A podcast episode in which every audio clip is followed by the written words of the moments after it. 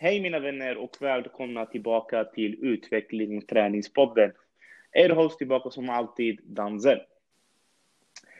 Jag har kört den här podden faktiskt sedan förra året i början. Och eh, det är så sjukt att se ändå att jag började ändå någonstans där poddar inte var liksom det värsta wow, wow, the highlight, utan det var lite mer YouTube. Men nu känner jag inför det nya året, faktiskt eh, året 2020 då som vi är inne på nu, att mer och mer folk börjar eh, komma in lite mer i det här med podd istället för YouTube. Då känner jag lite mer att varför just hände det just den här revolutionen från YouTube till poddar numera, speciellt i Sverige. Då har jag ändå fått liksom att tanken att eh, folkstyrd börjar bli mycket mer dyrbar än förut. Jag menar förut när man var 15-16 år så var det mycket enklare att man bara sitter och kollar YouTube-videos och, och äter mat liksom efter gympass eller vad det kan vara. Men när man blir äldre så har man mycket mer saker att göra och mycket mer eh, liksom eh, obligations man måste ta hand om i sitt liv. Eh, det är därför det är mycket enklare att kunna ta hand om en podd då just att man kan lyssna på en podd och träna samtidigt, diska, tvätta, vad det än kan vara. Så det är just den här flexibiliteten som folk är ute efter. Vilket jag hoppas verkligen från djupet av hjärtat att vi kommer kunna leverera det här året av utveckling och träningspodden. Jag vill invika det nya året då med en unik, um, vad ska man kalla det? Något jag tycker är väldigt viktigt, just förutom det här med styrketräningen och så, det är mental träning. Alltså, vad jag menar med mental träning då egentligen, vi har ju snackat i jättemånga avsnitt där okej, okay, eh, jobba på dina mål, ha ett mål, ha en vision, börja sakta men säkert med träningen, omvandla det till en livsstil, allt det där. Men eh, det finns ett mycket mer djupare aspekt och vi har även också tagit upp fördelar som styrketräning och vanlig fysisk aktivitet som kan liksom generera av vanlig träning. Men det finns ändå någonting bakom det där som är mycket mer djupt som ligger inne i oss, som vi behöver gå in, gräva tillbaka lite i vår omedvetna halva av hjärnan och se vad det är för typ av rutiner eller patterns som håller oss tillbaka. Jag träffade på faktiskt dagens gäst, vilket är då William Patrik eh, genom Instagram. Jag eh, tyckte han spridde väldigt eh, nyttig liksom, eh, kunskap och information just om träning och hälsa samt om mental träning. Ehm, jag är väldigt för mental träning eh, och jag är väldigt glad att just de här senaste fem sex åren att folk har börjat prata mer om mental träning än själva styrketräningen. Eh, för att som vi ser att allting ligger i hjärnan. Men eh, jag känner liksom att vår gäst, det är just det, det här ämnet han älskar att prata om. Och det är det han är passionerad att han vill bara liksom nischa in sig inte bara på okay, gå och lyft hantel, skaffa en bra kropp, utan hela mindsetet, hela livsstilen bakom träning och kost. Vad är det som ligger bakom det där? Vad är det som ligger? Vad är nyckeln för att uppnå sin optimala jag? Vad är nyckeln just efter det? Och jag tycker det är väldigt bra avsnitt att inviga det nya året med. Så nu tänkte jag att vi presenterar dagens gäst, William. Så berätta vem du är, varför vi ska just lyssna på dig idag och vad du har för visdom som du vill sprida vidare. Så varsågod och presentera dig själv, William. Tack för det, Dansell. Ja, jag kan väl, jag kan väl hålla, det, hålla det kort just om, eh, om mig själv för att eh, idag ska det handla väldigt mycket mer om vad lyssnarna kan ta del av. Men eh, kort om mig, jag är en analys och reflektionsnörd skulle jag kunna definiera mig själv som. Eh, som i mitt privatliv utgår väldigt mycket från mig själv och det innebär egentligen, om jag ska beskriva det kort, att eh, jag är lycklig när jag gör mig själv stolt och stolt över mig själv eh, blir jag när jag faktiskt är pålitlig. Och pålitlig eh, är jag när jag gör mitt bästa i att hålla mitt ord i förhållande till vad jag har sagt. Eh, för att om jag inte kan göra det, om jag liksom inte kan göra mig stolt och få hela den kedjan att gå ihop, så kommer det färga av sig på min omgivning och då kommer jag inte kunna bli eh, exempelvis den bästa pappan jag vill vara, Eh, för att det blir lite som om vi har turbulens i ett flygplan så uppmanas vi att sätta syrgasmasker först på oss själva. Så att vi kan se det, se det med hjälp av vår omgivning. Och det är lite så jag tänker. Det är därför det handlar mycket om att bli vår egen bästa version för, för mig. Så att jag börjar med mig själv som utgångspunkt och sen så blicka utåt för att då kunna vara eh, bäst i min omgivning istället för att kanske göra tvärtom att vara people pleaser och eh, vilja tillfredsställa vår omgivning och hoppas på att det ska göra oss glada. Så att mm. eh, det är väl kort, kort om mig som, som person faktiskt. Är det. Snyggt. Och eh, vad kan vi förvänta då av dagens avsnitt? Ja, dagens, dagens avsnitt skulle jag vilja gräva lite, lite djupare i hur vi kanske faktiskt kan eh, bland annat lyckas med nyårslöftena, någonting som många har gjort till någonting obligatoriskt medans eh, nästan lika obligatoriskt är det att 80 till 90 procent av alla kommer att fejla med sina nyårslöften just på grund av att de vet inte riktigt hur de ska eh, promota det. Alltså Ehm, hur de ska hantera sig själva. Som du sa innan de börjar, med att ska ha mål, jag ska ha det där, men, men allting är oftast liksom fel eh, placerat i förhållande till dem själva så att de eh, kör, ut, eh, kör slut på sig själva redan innan de har börjat nästan. Ehm, jag tänkte att vi ska titta lite på vad bakgrunden till det kommer, vad vi kan göra för att effektivisera det och hur vi kan liksom dramatiskt öka chanserna för att eh, lyckas med just de målen och förstå vad är det målen bör handla om egentligen? Och inte bara att, jo men som alla säger att jag ska sluta röka eller jag ska börja träna mer. Utan förstå mm. varför vi just ska göra det. För att jag menar, vi människor är inte rationella som vi många gånger vill tro, utan vi är emotionella. Och det är där mm. många missar, de förstår inte sitt emotionella varför. För det logiska varför och det rationella, det vet alla, jo men vi, vi mår bättre, det är bra för liksom Eh, vår fysiska hälsa. Det är ingen som har missat det, men lik förbaskat så är det ju eh, så många som inte börjar ta steget. Så därför behöver vi titta på mer, hur kan vi bygga den emotionella förståelsen till vårt varför och därigenom börja bli mer fysiskt aktiva. Just det.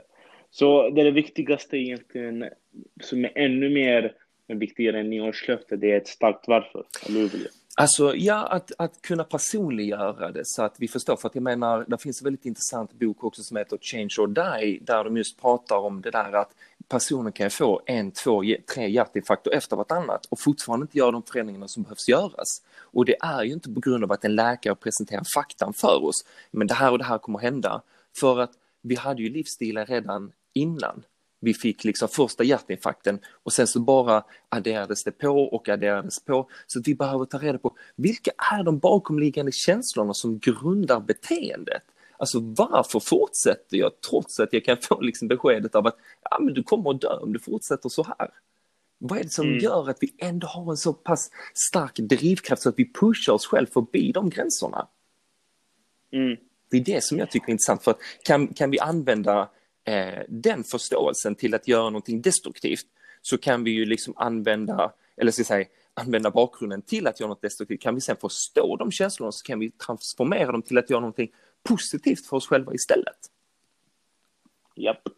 Och det är det jag tror varenda en person liksom har en drivkraft in i sig. Det gäller bara att man unleashar det. Och vissa, yes. man brukar säga att hjärnan brukar antingen vara ens bästa vän eller sin närmaste fiende. Så det beror på, och det som driver egentligen gärna det är tankar mm. och det är det man pratar om varje dag. Det liksom lagras. Så det är viktigt att man, det är informationen, det är folket man hänger med påverkar ens omgivning. Mm. Och plus ens omedvetna hjärnhalva jättemycket, mer än vad man tror. Så jag ser verkligen emot eh, den här avsnittet med dig William. Då mm. catchar vi våra lyssnare efter intron där vi gräver in lite mer egentligen vem William är och vad är konceptet bakom mental träning? Mm. Det tar vi efter intron, så vi hörs snart. Vänner.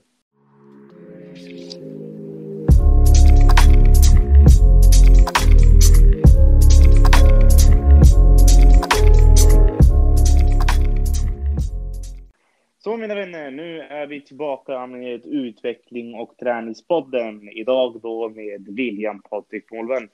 Ehm, så idag tänkte vi komma in då lite mer om mental träning.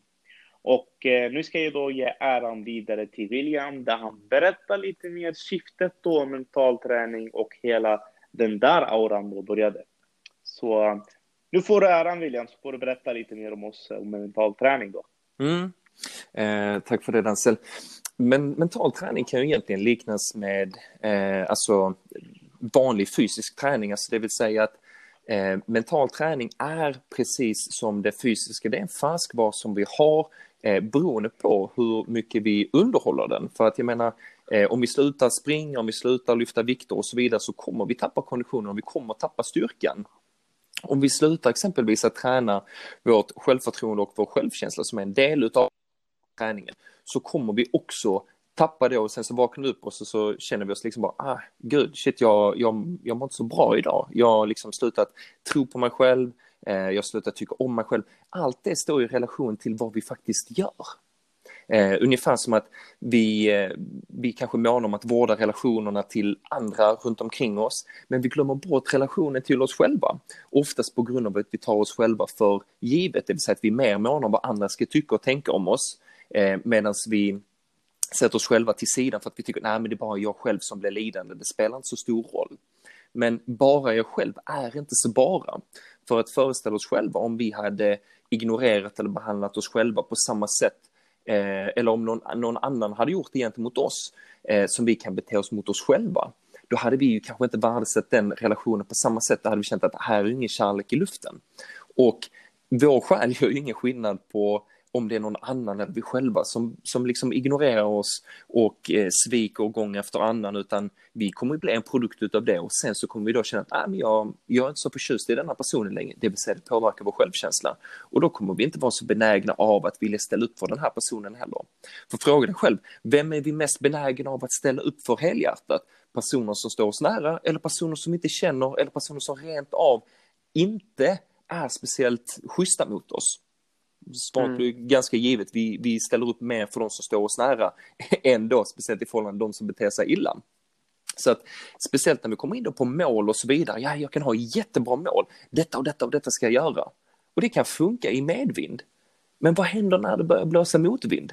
Jo, då kommer jag inte vara där och ställa upp för mig själv, för jag har inte det värdet. Jag har inte sagt att jag är viktig på det sättet. Och det är just därför som väldigt många eh, misslyckas när motgångarna kommer.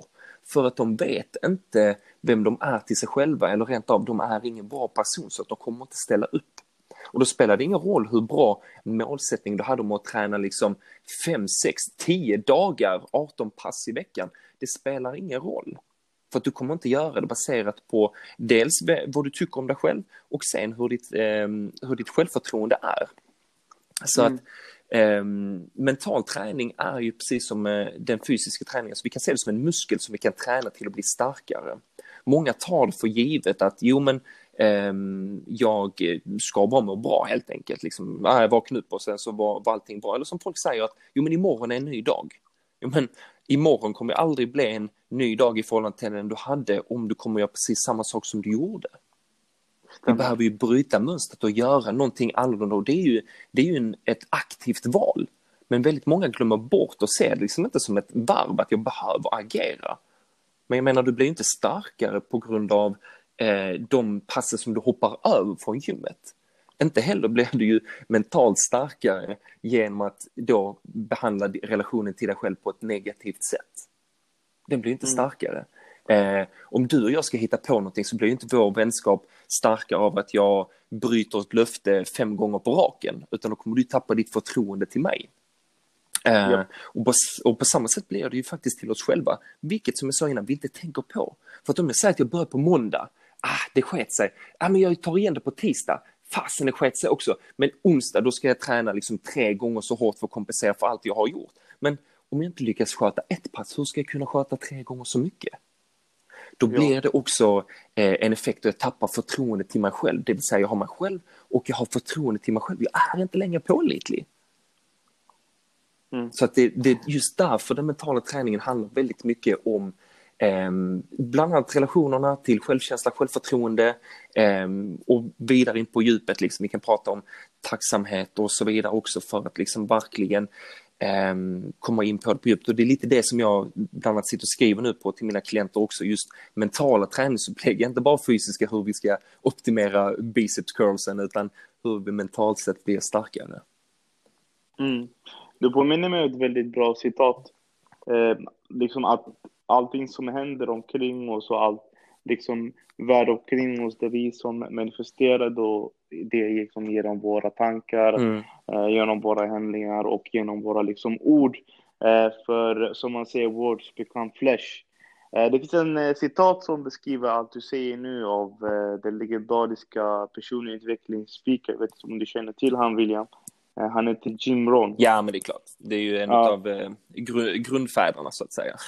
Ja, exakt. Och så har han ett citat som jag tycker om väldigt mycket. Mm. Don't wish it was easier, wish you were better. Ja, men Don't precis. wish for less problem, wish for more skills. Mm. Don't wish for less challenge, wish for more wisdom. Ja. Så, så, så jag tycker ett sånt citat sätter det på perspektiv, verkligen. Att allting omkring oss involverar det vi har innerst inne. Mm. Så definitivt. Jo, Sen, Jag, jag, jag kan säga där, det, för det han är inne på där som egentligen eh, kretsar kring, väldigt mycket kring varför människor inte blir mentalt starkare. För att på något sätt så accepterar vi oftast att jo men det är motstånd som vi växer rent fysiskt när vi är i gymmet. Jag menar, du blir inte starkare i marklyft för att du går in och lyfter 10 kilo varje, varje gång, utan du behöver göra en progression. Du behöver ju eh, utmana din comfort zone, liksom att okej, jag lyfter 10 kilo denna gången, nästa gång ska jag lyfta 20, nästa gång ska jag lyfta 25, 30 och så vidare. Vi behöver göra den progressionen för att göra en så kallad overload. Eh, för att det är det som gör oss starkare. Liksom. Kroppen adapterar sig till liksom, det fysiska stimulit som den utsätts för. På samma sätt är det ju mentalt också. Om jag ställs inför en utmaning, men jag backar, då kommer inte det göra mig starkare. Och det är just det som väldigt många gör, det är att de backar när de behöver ta ett steg framåt. De backar när de behöver vara starka. Ingen människa har ju någonsin blivit stark genom att eh, göra det lätta. Precis som ingen, Nej. alltså ingen blir ju starkare av att om jag vet att jag kan lyfta 100 kilo marklyft, då blir jag inte starkare genom att träna på 10. mm, Så att det, det är just det, det är i motstånd som vi växer. Det är det jag brukar säga är nyckeln just till ehm, självförtroendet och självkänslan. Det är att möta motståndet istället för att vända om. Och jag tror det är genom motståndet man växer. Jo, Definitivt. jo men det, det är ju det. Mm. Alltså, Mhm. det, är, det är motvind som draken lyfter, eh, som Mm. Henry Ford sa. Ja, sen finns det en kille också som jag tycker om väldigt mycket som heter David Goggins. Ja, ja, ja. ja men han, ja, han är ja, ju... just det, det var han du skrev om när jag hade lagt upp en bild på Instagram. Ja, men precis. Eh, han, han, ja, är han- han... är hard, hardcore utav den mentala träningen. Han, han är ju inte han är ju inte inne på liksom den, eh, vad ska vi säga, eh, eh, ja, vetenskapliga biten av, av sakerna bakom, utan han är ju pure hardcore, alltså gör det, växer motståndet, liksom go hard. Det, det är så han är. Mm. Får jag fråga dig William, vad är det som bygger en människas driv så mycket att man kan gå upp klockan två på morgonen Mm. och, och, och köra, en, och köra liksom en sprint som inte 99,9999% av alla i världen kan göra? Mm. Okej, förutom ett starkt varför och förutom ett mål, vad är det utöver det? Mm. Alltså, jag skulle säga att det är hans identitet. För att det är identiteten som kommer alltså, slå ut allting. Väldigt många personer eftersträvar ehm, att liksom uppnå någonting. De tror att om jag bara gör så här, om jag bara liksom ändrar mitt beteende under 30 eller 60 dagar beroende på vilken beteendevetare vi frågar, så tror de att de automatiskt kommer ändra på deras eh, karaktär. Men det är inte sak samma, det vill säga att en person kan ju sluta med fysisk rökning, men det är inte sak samma som att de har blivit kvitt begäret rent mentalt, utan begäret kan fortfarande hämma dem, för att de identifierar sig fortfarande som rökare. Det vill säga om jag blir bjuden på en cigarett så säger jag nej tack, jag försöker sluta, eller nej tack, jag röker inte. Den skillnaden i identifiering kommer avgöra hela skillnaden. Så när vi Ah, börjar du menar bete oss, ja, så när vi börjar bete oss i linje med hur vi identifierar oss, det vill säga att vi ändrar på personen. Folk tror ju att, ja men målet kommer att förändra mig. Nej, alltså börja inte med att uppnå målet för att jag kan gå ner i vikt exempelvis genom att dricka vatten och äta luft. Men det är också som att jag ändrat min personlighet. Medan om jag istället fokuserar på vem jag behöver bli för att uppnå det jag önskar ha, så kommer jag kunna rikta personen som jag behöver vara för att få det jag vill ha. Alltså ungefär som att göra ett prov. Vi kan ju plugga för ett prov för att eh, liksom eh, klara det. Men sen så kan vi också plugga för att kunna. För att provets uppgift är ju egentligen att mäta vår kunskap. Medan vissa bara pluggar för att klara det. Och precis på samma sätt blir det när vi ska göra de här obekväma sakerna. Gör jag det bara för att jag ska ha klarat 12 veckor? Eller gör jag det för att jag ska förändra mig? Och det David Goggins gör ju det att han lever via sin identifiering ju. Alltså det han gör på, på nytt för det ju bara vem han är. Så att han vill ju göra de grejerna för att han, ursäkta mitt språk nu, men han definierar sig själv som en hardcore ass motherfucker, alltså rent ut sagt. Det, det är mm. det han lever för, så att han säger det att jag är ju inte den jag säger att jag är, eller det jag pratar om, om jag inte lever upp till det själv. Exakt. Nu kommer vi in i ett spännande ämne. Faktiskt. För att det är många nu som ger träningstips och det är många nu mm. som blir PTs bara efter en vecka. ja. Och, eh, eller typ 22-åringar som är life coaches. typ, vad tycker du om sådana grejer? För med tanke på att vi ändå nu är inne i mental träning och så. Mm. Alltså, mm. för att nu det börjar hända mycket på sociala medier. Okej, folk läser citat. Mm. Folk liksom läser långa texter, motiverande texter. Och mm. sen därefter går de till kylskåpet och så, tar sin bulle och kollar på sin Netflix, men ingenting händer. Det är det jag menar, liksom, ja. sociala medier är det någonting som, okej, okay, det har ändå gett oss mer att man kan vara mer social, mm. man kan nätverka mer, mm. man kan nå ut till mer folk med tanke om man har någon mm. driv eller någon ambition man vill uppnå vidare. Mm. Det är jag med på, that's fair. Men sen om vi kommer komma in lite mer i så här, det är mycket guilt som hänger just där och det är mycket avundsjukan och sådana mm. saker. Tror inte att det kan påverka mycket ens mentala mycket mer än egentligen vad man inbildar sig? Ja, alltså där, där finns ju faktiskt till och med en eh, psykologisk eh, diagnos som har kommit fram från eh, flera terapeuter, alltså där vi, där vi liksom kan kalla det Facebook-depression, och, alltså en sociala medier-depression överlag. Det är ju när människor börjar titta för mycket på vad alla andra eh, kan verka ha, istället för att rikta fokus till vad vi själva har, vad vi själva är, kan vara stolta över. Och då kommer vi in liksom på just det där med att exempelvis träna tacksamhet. Men tacksamhet är ju precis som eh, kärlek, det är ingenting vi kan fejka och så automatiskt så bara helt plötsligt börjar vi känna det. Utan det är någonting som vi behöver känna genuint Eh, för att det ska få en effekt. Jag kan inte ligga och bara säga att jo, men jag är tacksam för det här för det finns de som inte har mat. Alltså är jag tacksam för den här måltiden. Det kan oftast ha en omvänd effekt istället på människor. Därför brukar jag rekommendera mina klienter till att börja göra saker och ting för dig själv som du kan vara tacksam över. Alltså jag är tacksam för personen som jag är, ungefär på det sättet som, som jag beskrev hur eh, jag själv blir, eh, blir lycklig. Alltså om vi ska låna min definition, liksom lycklig blir jag när jag gör mig själv stolt och stolt över mig själv är jag när jag är pålitlig. Och pålitlig är när jag gör mitt bästa i att hålla vad jag har sagt. Det handlar inte om att jag ska vara bäst i allting utan håller om att jag ska göra mitt bästa i att göra vad jag har sagt, det vill säga att jag struntar i allt som heter perfektion via den allmänna definitionen. För den allmänna definitionen av perfektion är att det ska inte vara några fel. Och det är den fasaden som finns på sociala medier. Det ska se så otroligt bra ut. Men perfektion för mig är egentligen bullshit, för det är ingenting som vi kan uppnå eh, i praktiken. För att egentligen perfektion innebär ju att det inte finns några fel och jag skulle vilja säga att det är felen som vi behöver göra för att uppnå det vi vill ha, det som slutändan skulle kunna kalla för perfektion. Så att vi behöver uppmanas till att våga göra mer fel för att det är erfarenhet får vi ju eh, genom att göra misstag. Mm. Så att det, det, är det vi behöver göra och eh, därför behöver vi slå ihjäl mycket av det där perfekta som ska visas att våga vara brutalt ärliga istället. För att annars sänder du ut liksom felaktiga budskap eh, till alla som tittar som inte liksom lyckas filtrera det. Nej. För jag, jag, jag har ju träffat dem som har 100 000, 200 000, uppåt mil, miljontals följare. Alltså på vissa sociala mediekanaler fast de är helt trasiga inombords. Ja, och det är roliga jag tycker att vissa personer, vissa influencers, mm. alltså när du pratar med dem real life, face to face, man märker att det finns någonting som brister där. Ja. Och, och, och jag tror mm. det är sådana här grejer som nu börjar komma in på, mm. som är väldigt känsliga ämnen och jag tycker det är väldigt viktigt att prata om. Det, det, är, väldigt, det är väldigt känsligt och det är väldigt mycket som det bygger på. Alltså, som du sa innan, sociala medier kan vara jättebra för människor eh, med samman, men det kan också liksom eh, precis som de har gjort undersökningar via Tinder, att folk egentligen känner sig mer ensamma utav den appen. Ehm, på grund av att det liksom bekräftar fel, fel saker. Så att jag har ju valt till exempel att följa de personer som jag känner kan inspirera mig, majoriteten av dem i alla fall, är personer som inspirerar mig och kan ge mig ett värde och det är lite så jag vill profilera mig själv via min Instagram. Att min Instagram handlar inte om att visa vad jag har eller liksom inte har om det inte kan vara på ett sätt som kan lyfta upp någon annan. Det vill säga att jag skulle vilja visa mina brister eller någonting annat.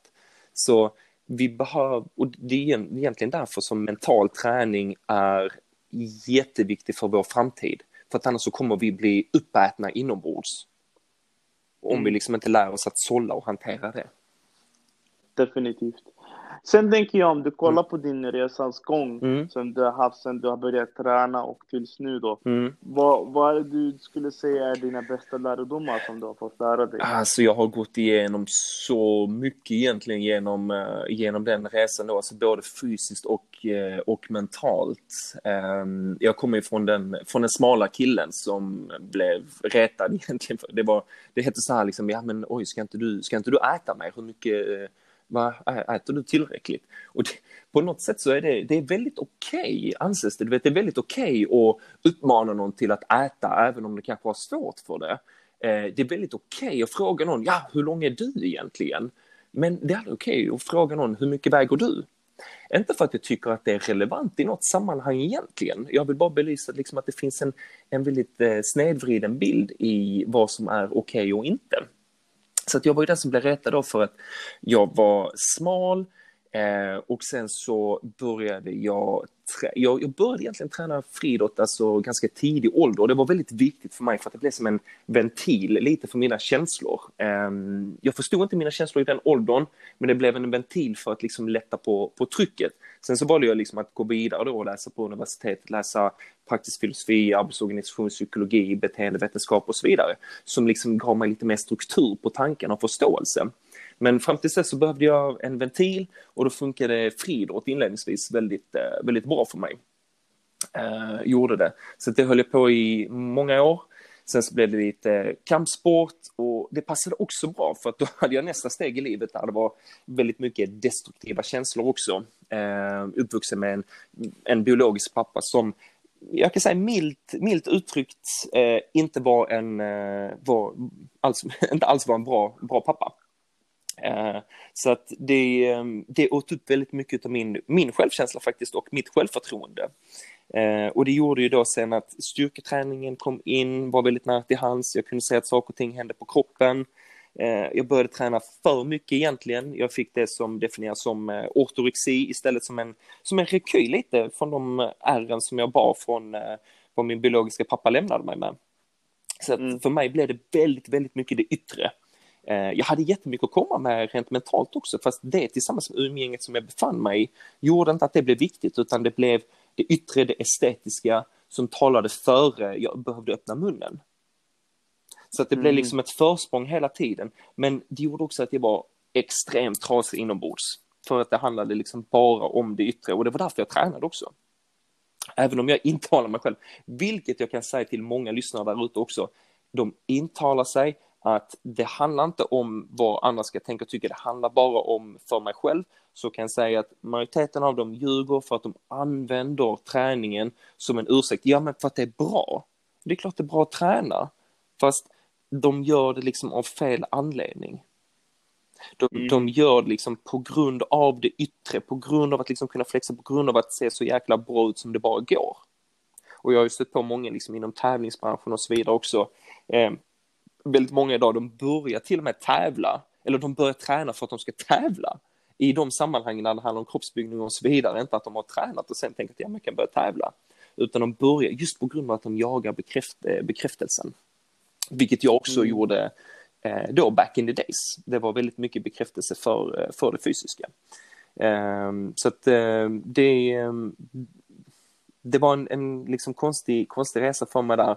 Idag till exempel så tränar jag enbart för att det är en hobby.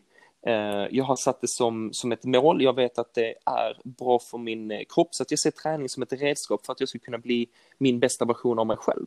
Lite som pensionsbesparing faktiskt. För mig handlar det nu inte om att göra den liksom snyggaste biceps curlen eller den snyggaste jada jada, även om det är det som jag kan och det är det jag per teknik vill lära ut till mina klienter också, det vill säga att jag, jag tränar inga klienter utan jag lär dem att träna. Det är det som är viktigt också. Eh, men det är mer helheten som är viktig, där det finns andra aspekter som är mer viktiga för, eh, för mig idag också.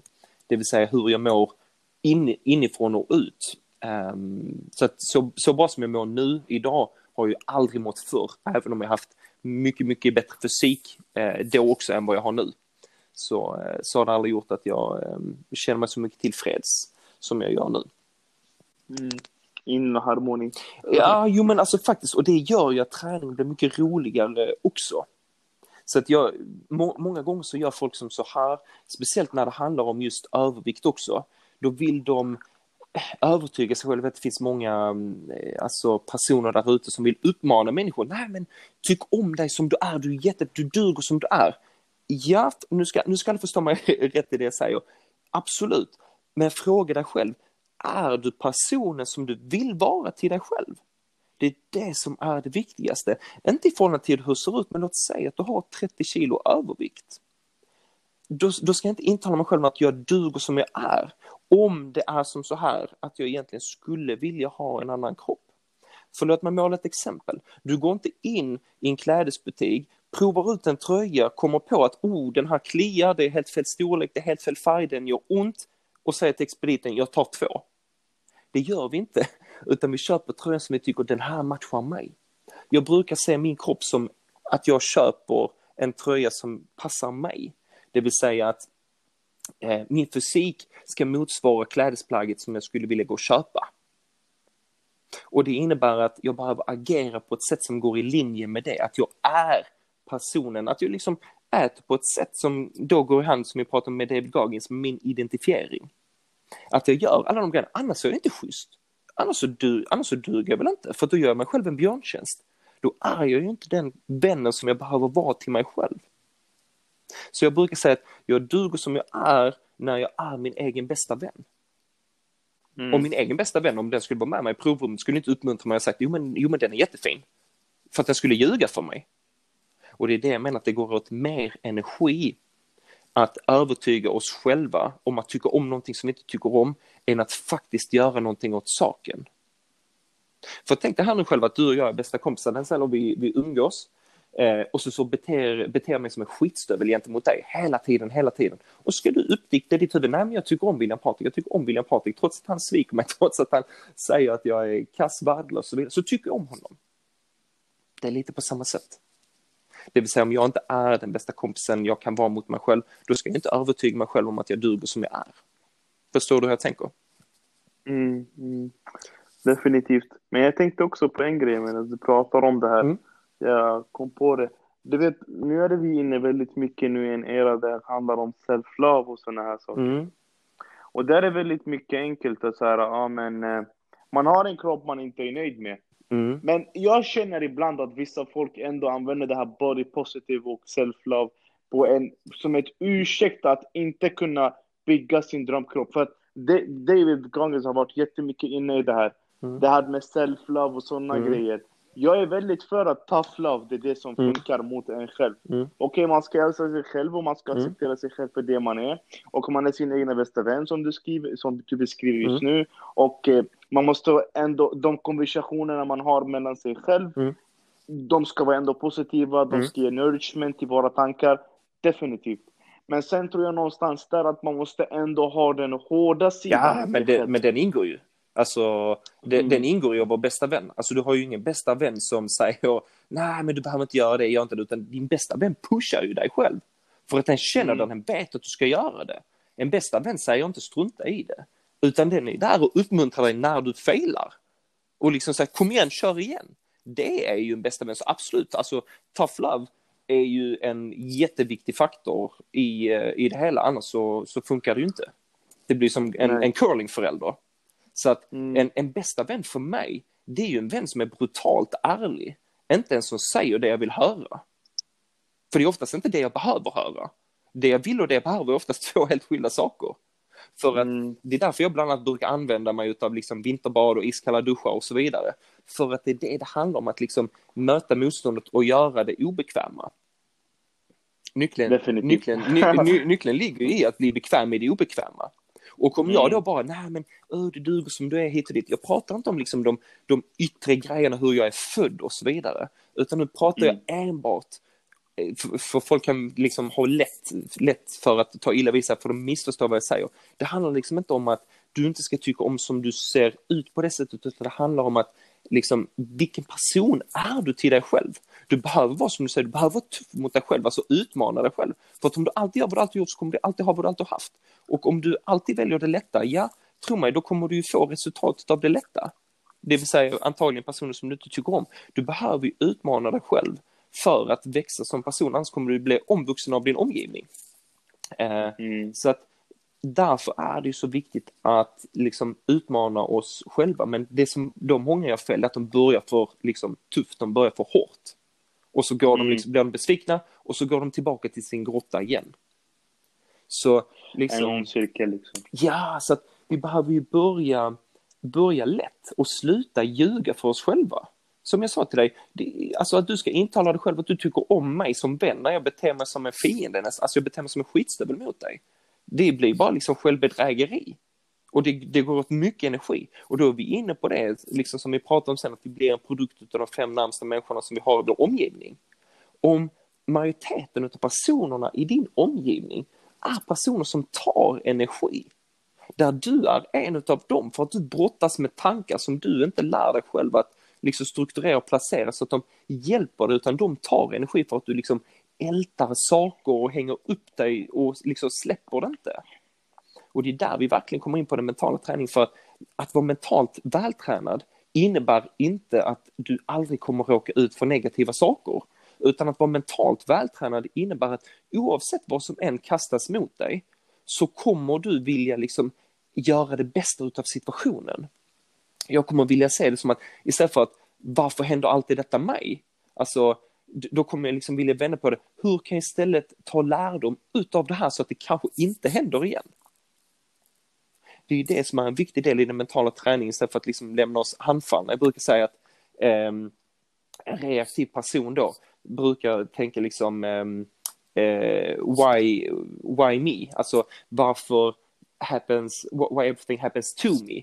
Och jag brukar istället säga det som att, jo men tänk istället som eh, everything happens by me, att vi gör oss själva till den motorn. Så istället för to me så tänker vi by me, att jag skapar, saker och ting händer inte mig, utan jag skapar det. Mm. Och det där jag tror man måste komma till den här självinsikten att allting omkring oss liksom handlar om det vi gör. Och jag tror det är det som du beskriver bäst. Måste bara vara helt ärlig mot sig själv, bara kolla sig själv i spegeln och bara Vet du vad, allt det här livet omkring mig, det är så här det är vad jag gör det till och det är det som mitt perspektiv sätter det här Mm. livet är till. För du vet, alla ser livet på helt olika sätt. Munkar ser Mm. livet på ett sätt, arbetsmarkomaner ser livet på ett sätt, Mm. fotbollsspelare ser livet på ett sätt, alltså psykologer ser livet på ett. Alla ser livet på ett helt olika sätt. Men det är att man hittar det perspektivet som passar en bäst. Dr. Mm. Dr. Espinosa, eh, jag gillar hans eh, citat när han säger det liksom att ehm, your personality is a reflection of your personal reality. Alltså att vår personliga, alltså vår verklighet är ju grundat i vår personlighet. Alltså det är Mm. din personlighet som kommer färga världen. Det är du som sätter färgen. Alltså, för att om du sätter på dig ett par glasögon med röda glas så kommer allting du tittar på se, rätt, äh, se rött ut.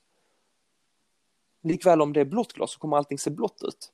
Först när du väljer liksom ett par kanske andra då mer genomskinliga linser, för då kommer vi in på det som du sa, att vi är ärliga mot oss själva. Att vi kanske vågar erkänna att jag har gjort fel och så vidare. Det, det är då som vi kan börja ta in mer saker och vara öppna. Att liksom Ja. släppa på stolthet. För att om inte jag är ärlig mot mig själv, hur kan jag då veta om jag är ärlig mot andra? 100 procent. Så att eh, ärlighet är också en jätteviktig eh, nyckel. För att oftast så, ja, alltså oftast så, så tror vi att vi är ärliga. Fast vi skyddar oss egentligen bara mot någon form av liksom rädsla, så vi vill stryka över det. För att liksom undvika där det faktiskt, faktiskt klämmer. Vi tror att Mm. nej men jag har jättemånga klienter som, du vet du ändrar på allting. Ja, men jag har gjort jättebra det här, jag har gjort jättebra det här och det här och det här och det här. Okej, det, det är jättebra, men det spelar faktiskt mindre roll. För du har inte gjort det viktiga. Alltså du kan renovera hela ditt hus. Men om du lämnar kvar det rummet som är mögligt så spelar det mindre roll. Vad man har gjort. Ja. Definitivt. För att vi, vi, vi behöver liksom gå dit källan. Alltså, var är problemet egentligen? Men där kom vi in på Mm. det där också att folk vill göra det bekväma. De tittar på att ja, men, Exakt. jag är jätteduktig på detta. Okej, fine. Men det är inte det som kommer göra att du växer. Utan hela din klocka kommer börja snurra när du liksom adderar det sista kugghjulet. Som behövs för att Ja. allting ska snurra och det är det som du undviker. Det är där ditt problem ligger. Inte att du liksom gör, skapar starkare utav andra. Alltså, ta, ta en annan metafor, se det som en kedja. Du kommer aldrig bli starkare än din svagaste länk. Det är Mhm. grundprincipen för en kedja. Så att vad vissa gör då det är att de försöker kompensera, precis som jag gjorde med, med fysiken då. Att jag låter fysiken tala före jag behöver öppna munnen. Som en slags kompensation och det, det är det som väldigt många gör med fasaden. Jag köper bilen, jag köper kläderna, jag köper allt det där. För att liksom s- ge en starkare bild, ett starkare intryck av att liksom det har skapat framgång. Men alltså att se lyckad ut är inte sak samma som att vara lycklig. Lycklig kommer före att lyckas. Ser lyckad ut. Mm. Ja, alltså, och det, det är det som många gör fel, de vänder på orden. Det, det, tänk dig själv Mm. att du skulle gå in på gymmet nu, säg till dem i receptionen, hej jag ska styrketräna, gör mig stark. Liksom, hur funkar det? Det, det? Vi går in på gymmet, tränar, sen blir vi starka. Mm. Så därför kan vi inte tro att liksom, lyckan kommer att ligga i sakerna utanför oss själva. Nej. För lyckan börjar inifrån oss. Tänk, alltså, tänk dig själv, du har magsår. Ja, okej, jag ska fixa Mm. det, sätta plåster utanpå min mage. Det, det kommer aldrig läka såret inuti. Vi behöver gå till källan av Mm. problemet. Så bilen, Mm. huset allt det där kommer aldrig göra oss mer hela. Mm. Jag, jag brukar alltid säga liksom, för vissa tror att men jag är utmattad, jag har gått in i väggen, Ja. jag behöver sova mer, jag behöver vila mer, Ja. du vet, jag behöver ta powernaps, allt det där Mm. skitet. Vet du, det är så här, och sen jag brukar alltid tänka, jag tror innerst inne i botten, det där är inte det som är problemet. Nej. Det handlar inte om ens kropp, det handlar inte om... För att, har du inte sett de här eh, Marines i USA? Mm. De kan gå åtta, till kvinnor snackar vi också nu. Åtta dagar utan sömn. Mm. De går in en, ett helvete. Mm. Så egentligen människan kan göra allt. Men du vet, eh, det är därför som vi är inne på nu. Det är liksom det är hjärnan som sätter Mm. stopp. When, when the mind is weak, the flesh becomes weaker. Du? Det är alltid det är det som är problemet. Där, fin, där finns en viktig aspekt i det. För, att det, det- för det första är det ju absolut inte bra att gå åtta, åtta dagar utan sömn. Eh, det är liksom att ta det till... Nej men det, det är inte det jag menar. Jag försöker Nej, bara jag visa vet. vad Ja, människan kan absolut. göra. Och Absolut. sen har vi ett, en generation i Sverige som gråter för de jobbar åtta timmar. Mm. Det är så jag Ja, menar, förstår jag menar? Jag förstår helt och Det, hållet det är prestandan som jag menar som är väldigt låg för väldigt Ja. unga människor. Men det, Som sabbar jättemycket. det vi, det det jag det, det vi Mm. behöver förstå i, när, det, när det liksom kommer till just den prestandan också, det är att prestandan blir låg på grund av att människorna inte har utmanat sig själva. Och desto, Exakt, desto, mer, ja, så desto mindre du utmanar dig, desto svagare blir du. If you Mm. don't use, you lose. Så att om du då låter, en gång, vi kan inte förvänta oss att bli starka om vi låter bli att träna. Om du inte möter motståndet, det vill säga att liksom köra, arbeta 10 timmar, arbeta 12 timmar, att liksom utmana dig själv vad det än må handla om, så kommer du automatiskt bli svagare och då kommer varje moment som du möter kännas som en enorm uppförsbacke. Ja. Så att du behöver ju vara bättre mentalt tränad och fysiskt, absolut för den delen också, än vad din vardag kräver. För att du ska kunna axla de problemen som väl uppstår. Men vad gör personer då? Jo, vi maskerar och använder substitut. Okej, har ont i huvudet. Bam, ta en huvudvärkstablett, jag löser problemet. Din kropp har Mm. aldrig brist på huvudvärkstabletter, det är inte därför du har huvudvärk. Men vi Nej. döljer symptomen. Aha. Alltså, Mm. så painkillers, där, boom, din kropp vill egentligen säga till dig, här Sherlock, det är något som inte stämmer, gör någonting åt det. På samma sätt som du är olycklig, eller du är liksom, jag har inte tålamod. Din kropp säger till dig vad du behöver träna. Men vi lyssnar Mm. inte för att vi är otåliga, vi vill ha allting serverat nu, utan motstånd. Så att vi går mot en tid där vi riskerar att bli svagare och svagare. För att allting ska komma desto lättare. Alltså, titta Mm. på generationen som växer upp nu som tror att liksom livet går ut på vad, vad som säljs in. Jo men hej, res världen runt, få betalt, se fantastiska platser, träffa fina människor. Det är det som är livet. Alltså, de pratar ingenting om att möta motståndet eller liksom att våga göra saker och ting när det är tufft. Vilket kommer skada oss för att vi kommer, vi kommer liksom bli utbrända för ingenting. Jag, jag, ja. alltså, och med ingenting menar att det blir stort för personen i fråga. Jag har själv varit där eh, två gånger. Eh, men det, det som händer, det, det blir att eh, det som kan tyckas vara lite för liksom mm. gemene man blir jättemycket för personen i fråga. Men det vi behöver det förstå här är att jag kan ju inte gå och kritisera och skratta åt en person i gymmet som bara orkar lyfta stången i, i bänkpress i gymmet. Utan den, mm. om jag ser att den strugglar så vet jag att okej, okay, detta är den nivån den befinner sig på. Och det är så som folk behöver göra mentalt också, att bygga upp och liksom göra, än en gång träna mentalt för att kunna bli starkare. Men om de då gör tvärtom, att de går andra hållet, så kommer vi mm. vara dömda till att vara mentalt svaga. Det är därför jag, jag, är, jag arbetar på det, men jag är väldigt allergisk mm. mot personer som exempelvis tar hissen, trycker du vet, på dörröppnarknappen, mm. rulltrappan, allting bara för att välja det liksom lättaste hela tiden. Jag, jag ser ut som en idiot när jag kommer i, i Stockholm och letar efter rulltrappa som inte funkar med liksom två tunga väskor ja, jag, på... jag skulle precis säga det. 25, det sak, ja, 25 kilo liksom. Folk bara, men va? Är du helt liksom, här finns ju rulltrappa som funkar. Ja, men det intresserar inte mig. Alltså för att jag behöver inte ha det lätt, för att jag vill, precis som David Goggins, jag vill ha de där små utmaningarna som gör mig liksom obekväm. För att det är då som jag vet att jag växer. Så det är de sakerna vi vill ha. Men vad jag vill flika in här också som är väldigt viktigt att få, förstå, för att vad väldigt många personliga tränare gör, det är att de tittar bara som så här, okej, okay, eh, ge mig 100% och du får 150% tillbaka. Ge mig 80 och du får ingenting tillbaka de har ingen som helst förståelse för var personen befinner sig någonstans. Alltså de, de, deras 80 procent kanske egentligen är liksom 150 över vad de liksom är vana vid. Så att därför, det är väldigt många coacher som missar att eh, köra kör en, en pace, alltså att de inte lyckas hitta tempot för personen i fråga. För att många tror att desto mer trött jag kan göra en klient, desto hårdare jag kan köra dem in i liksom kaklet, desto bättre tränare är jag. Desto tröttare min klient är, desto bättre tränare är jag. Men det stämmer absolut inte. För vem som helst kan köra slut på en person. Här, gör 300 armhävningar och 5000 squats så kommer du bli jättetrött. Det är inte svårt. Det som är utmanande är att hitta någonting som är rätt för den personen i fråga. Så att de kan fortsätta. För hur många klienter har jag inte fått till mig som bara, ja, jag har kört med en personlig tränare en gång innan. Frågar, ja, men hur gick det då? Nej, han, han dödade mig i två pass, sen ville aldrig mer gå dit. Okej, okay, det är failure. Det, det är nästan vad jag skulle mm. kalla tjänstefel av tränaren. För att den har inte, målet som tränare anser jag, inte, inte tävla med klienten, hur klarar du inte mer? Utan det är att balansera, var befinner den sig och vad kan jag göra för att den ska hålla ut så länge som möjligt för att få en förändring? Definitivt. Och i den notan, William, skulle mm. jag vilja säga också att eh, det, man måste ändå möta personen på samma vibration för vi alla består ändå av olika vibrationer och alla vi kommer från olika bakgrund och Absolut. olika resor. Um, och i den notan också så kan vi också börja runda mm. av podden. Mm.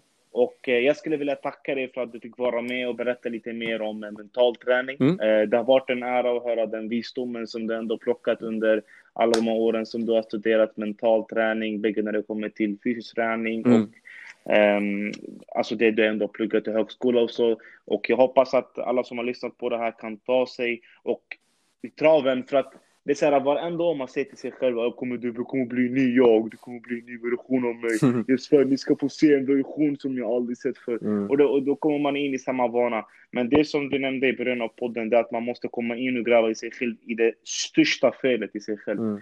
För det är många som bara ser det yttre, det är många som ser sömn, det är många som ser att jag är trött, det är många som ser att jag gått in i väggen. Men de ser inte det som egentligen innerst inne stoppar dem. Det kan antingen vara guilt, det kan antingen mm. vara att man är inne mentalt förstörd och jag tror också det är yeah. mycket hat man har samlat, är mycket rädsla man har i sig av situationer som man samlat typ förr i tiden för när man varit liten så man, man måste gå tillbaka och läka och det är det jag vill avsluta med. Mm.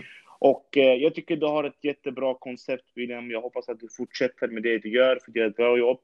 Eh, sista frågan är egentligen, vart kan mm. alla lyssnare hitta dig? Eh, där väl är mest frekvent för tillfället i liksom mediesammanhang, det är ju i sådana fall på Instagram, då är det william.patrik som, eh, som jag hittas och där kan man då ta det lite mer utav vad jag, vad jag oftast skriver. Jag vill oftast förmedla liksom budskap via, via texter och så vidare. Eh, så kan de få en eh, tankeställare om de vill fortsätta utmana sig själva rent, rent mentalt. Där finns även träningstips som kommer komma lite mer också av. Är det. Snyggt William! Mm. Tack för att du fick vara med och jag hoppas att vi gör ännu mer ett avsnitt längre fram. Ja, men det, det behöver vi för att det är, ett, det är ett brett ämne. Nu har vi liksom bara finkammat ja. lite på, på ytan, sen så kanske vi kan göra en mer djupdykning också i del två. Det skulle vara kul. Ja, men absolut. Det skulle vara kul. det skulle vara kul. Ja. Då så, våra lyssnare, det här var Utveckling och träningspodden med William Patrik Molven. Hoppas att ni gillade det här avsnittet och om ni gillar det så kan ni bara kommentera längst ner vad ni tycker om dagens avsnitt. Om ni har några frågor eller funderingar så kan ni nå via Body Selection eller via Instagram också, Danzel. Och det som skulle göra mig och William glad också är att ni ratear den här podden femstjärnigt. Ha det så bra vänner, ta hand om er, hej då.